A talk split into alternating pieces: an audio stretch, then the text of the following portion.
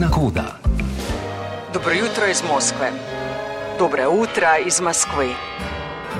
Prijazna poznakolica. Klicna koda. Nič nič sedem.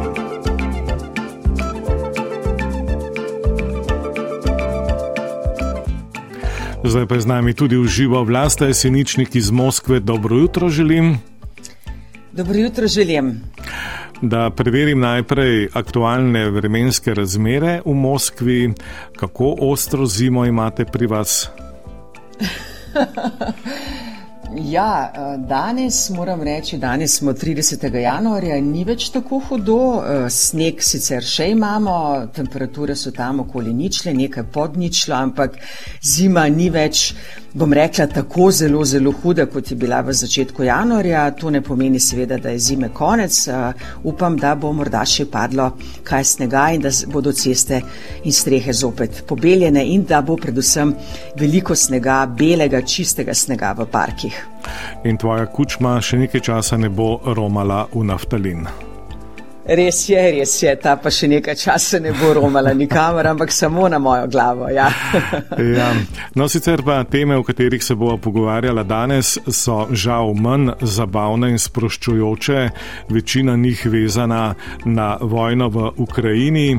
Pa začniva najprej pri predsedniških volitvah, ki bodo v Rusiji sicer šele prihodne leto, meseca marca, a že zdaj so živa ugibanja o tem, ali bo na njih kandidiral tudi Putin.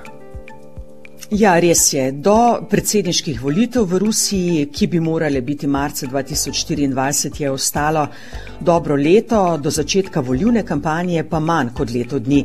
To bodo prve volitve, ki bodo potekale v skladu z novo ustavo, ki jo mnogi imenujejo Putinova ustava. Ustavne spremembe, ki so jih voljivci potrdili na referendumu leta 2020 Putinu, ki je na oblasti že več kot dve desetletji, omogočajo, da kljub temu, da so število predsedniških mandatov omejili na dva šestletna mandata, za najvišji položaj v državi kandidira še dvakrat. Namreč njegove štiri dosedanje mandate so izničili in Putin lahko na oblasti ostane do leta 2036, ko bo star 84 let. Pred dnevi so tiskovnega predstavnika Kremlja vprašali, ali bo Putin kandidiral. Odgovoril je, da odločitev še ni bila sprejeta, malo kdo pa seveda dvomi, da se bo Putin odrekel oblasti. Nekateri mediji poročajo, da se v Kremlju že pripravljajo na volitve in da se ob tem zavedajo, da se vojna v Ukrajini, ki traja že skoraj leto dni, do prihodnjega leta verjetno ne bo končala. Po ruski invaziji na Ukrajino se seveda postavlja vprašanje, kaj bo Putin, če bo znova kandidiral, ponudil voljivcem. Slišati je, da naj bi bila v ospredju kampanje enotnost Rusov. Putin je za številne Ruse simbol stabilnosti in tudi na zadnjih volitvah so ljudje glasovali zanj, ker naj bi jim zagotovil boljšo in predvsem varno prihodnost. Strašno vojno, ki jo je začela Rusija, ki sicer uradno še vedno govori o vojaški operaciji in zaradi katere je Zahod proti njej uvedel številne sankcije, pa je ta prihodnost videti iz dneva v dan bolj mračna. Jeseni Rusijo sicer čakajo tudi regionalne volitve, na katerih bodo izbirali guvernerje ter predstavnike mestnih in regionalnih parlamentov. Potekale naj bi tudi v ukrajinskih regijah Donetsk, Lugansk, Zaporožje in Herson ki si jih je Rusija nezakonito priključila po lanskih referendumih in te volitve naj bi bile nekakšen test pred predsedniškimi volitvami uh, prihodnje leto. Na nadaljni potek vojne, ki jo omenjaš, bo brez dvoma vplivala tudi dobava sodobnega, težkega zahodnega orožja. Zdaj je znana odločitev, da bo Zahodno zavezništvo dobavilo sodobne tanke ukrajinski vojski, zaenkrat še ne v takem številu, kot so morda pričakovali v Kijevu, ampak zdaj se že odpira in postavlja naslednje vprašanje, namreč o dobavi dobavi sodobnih letal lovcev F-16. Ja, eh, obe vprašanji in tanki in letala sta seveda zelo, zelo aktualni. Dobava tankov, ki so jih v Ukrajini obljubile Nemčija, ZDA, Združeno kraljestvo, Poljska, Finska in nekatere druge evropske države in govorimo res o sodobnih tankih Leopard, Abrams, Challenger. To je vprašanje, ki mu v Kremlju in ruskem vojaškem vrhu namenjajo veliko pozornosti. V Moskvi sicer pravijo, da vsi tanki gorijo in da jih bo ruska vojska uničila, ampak ne glede na te izjave Rusijo dobava tankov skrbi. Nemčija naj bi Ukrajini tanke poslala do konca marca, na ameriške Abramse pa bo moral Kijev počakati več mesecev.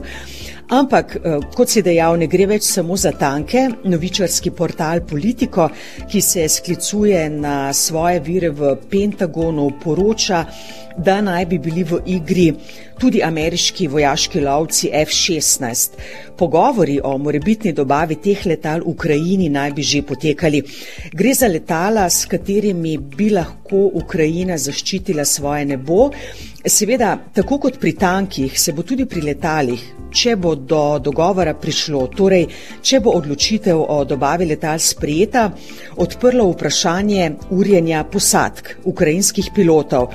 Eh, po pisanju politika to naj ne bi bil zelo velik izziv, saj so mnogi ukrajinski piloti v zadnjih letih že sodelovali na skupnih vojaških vajah ameriškega in ukrajinskega letalstva. Zdaj pa bova do konca najnega pogovora ostala v ruski dumi. Najprej o tem, da je lastnik in ustanovitelj zasebne vojske Wagner, ki igra pomembno vlogo tudi v ukrajinski vojni, predlagal v dumi dopolnilo zakona o diskreditiranju vojske in to dopolnilo naj bi veljalo tudi za najemniške vojske. Drži? Drži. Uh... Po invaziji na Ukrajino so poslanci Dume sprejeli številne represivne zakone in ti so res zelo, zelo omejili delovanje neodvisnih medijev. Na stotine novinarjev je odšlo iz Rusije, nevladnih organizacij, nekatere so razpustili, nekatere najbolj vidne opozicijske politike, ki so kritizirali Putina in vojno, so obsodili na večletne zaporne kazni ker jih je sodišče spoznalo krivega širjenja po mnenju oblasti lažnih informacij o delovanju ruske vojske in diskreditiranja oboroženih sil. In ta zakon je bil sprejet kmalo po začetku tako imenovane vojaške operacije. No, pred dnevi se je eh, oglasil ustanovitelj ruskega zasebnega vojaškega podjetja Wagner, Evgeni Prigožin, in Dumo pozval naj ta zakon dopolni in sicer tako, da bo zaporna kazen grozila ne le za diskreditacijo pripadnikov oboroženih sil, ampak vseh, ki se borijo v Ukrajini, torej tudi plačancev Wagnerja. Teh naj bi bilo v Ukrajini po podatkih britanskega ministrstva za obrambo kakšnih 50 tisoč, med njimi kar 80 odstotkov nekdanjih zapornikov. Prigožin, eh, ki je zaradi napada in ropa skoraj deset let preživel za zapahi, namreč najemniške vojake novači tudi med zaporniki. In Kremelj je potrdil, da je Putin pomilostil več zapornikov, nekatere, o tem pa pišajo eh, neodvisni mediji, še preden so jih odpravili na bojišče v Ukrajini. Ja, očitno pa bo oblast eh, poskrbela tudi zase, namreč Duma je sprejela zakon, po katerem bo eh, treba sicer še vedno, tako kot do zdaj, prijaviti svoje premoženje, a s pomembno razliko ne bo treba več navajati osebnih podatkov o lastništvu. Predvsej nenavadno. Ja, lahko bi pravzaprav začela uh, ta del najnega pogovora z vprašanjem, no, kako pa se bo zdaj Rusija borila proti korupciji. Zakon, eh, ki ga je pred dnevi sprejela Duma, je tudi povezan z vojno. Gre za zakon o prijavi premoženja poslancev Dume in senatorjev. Ti bodo svoje in premoženje njihovih zakonskih partnerjev, tako kot doslej, res da še vedno morali prijaviti, ampak informacija, čigavo je to premoženje, ne bo več javna. Recimo, Pred invazijo na Ukrajino je revija Forbes vsako leto objavila seznam 100 najbogatejših državnih uradnikov, med katerimi so bili poslanci, člani sveta federacije, ministri, guvernerji, direktori državnih podjetij, poslanci regionalnih parlamentov. Na njem sta bila recimo tudi tiskovni predstavnik Putina in njegova žena, nekdanja umetnostna drsavka Tatjana Nauka, ki je sicer uspešna podjetnica. No, to zdaj ne bo več mogoče in tudi novinari ne bodo več imeli dostopa do podatkov o premoženskem stanju uradnikov in zakonodajalcev in tako bo javnost lahko samo ugibala, kdo je lastnik več stanovanj, zemlišč, razkošnih vil, dragih avtomobilov. Je pa Putin podoben ukaz, ki zadeva prijavo premoženja pripadnikov oboroženih sil v času vojaške operacije, podpisal že konec lanskega leta, torej tudi vojaki, generali v času te tako imenovane vojaške operacije eh, svojega eh, premoženja ne rabijo več eh, prijaviti. In elita bo poslej še bolj elitna in nedotakljiva, kaj ne? Res je, samo pritrdim ti lahko. Vlasta Jeseničnik, hvala lepa za ponedeljkov jutranji klepet.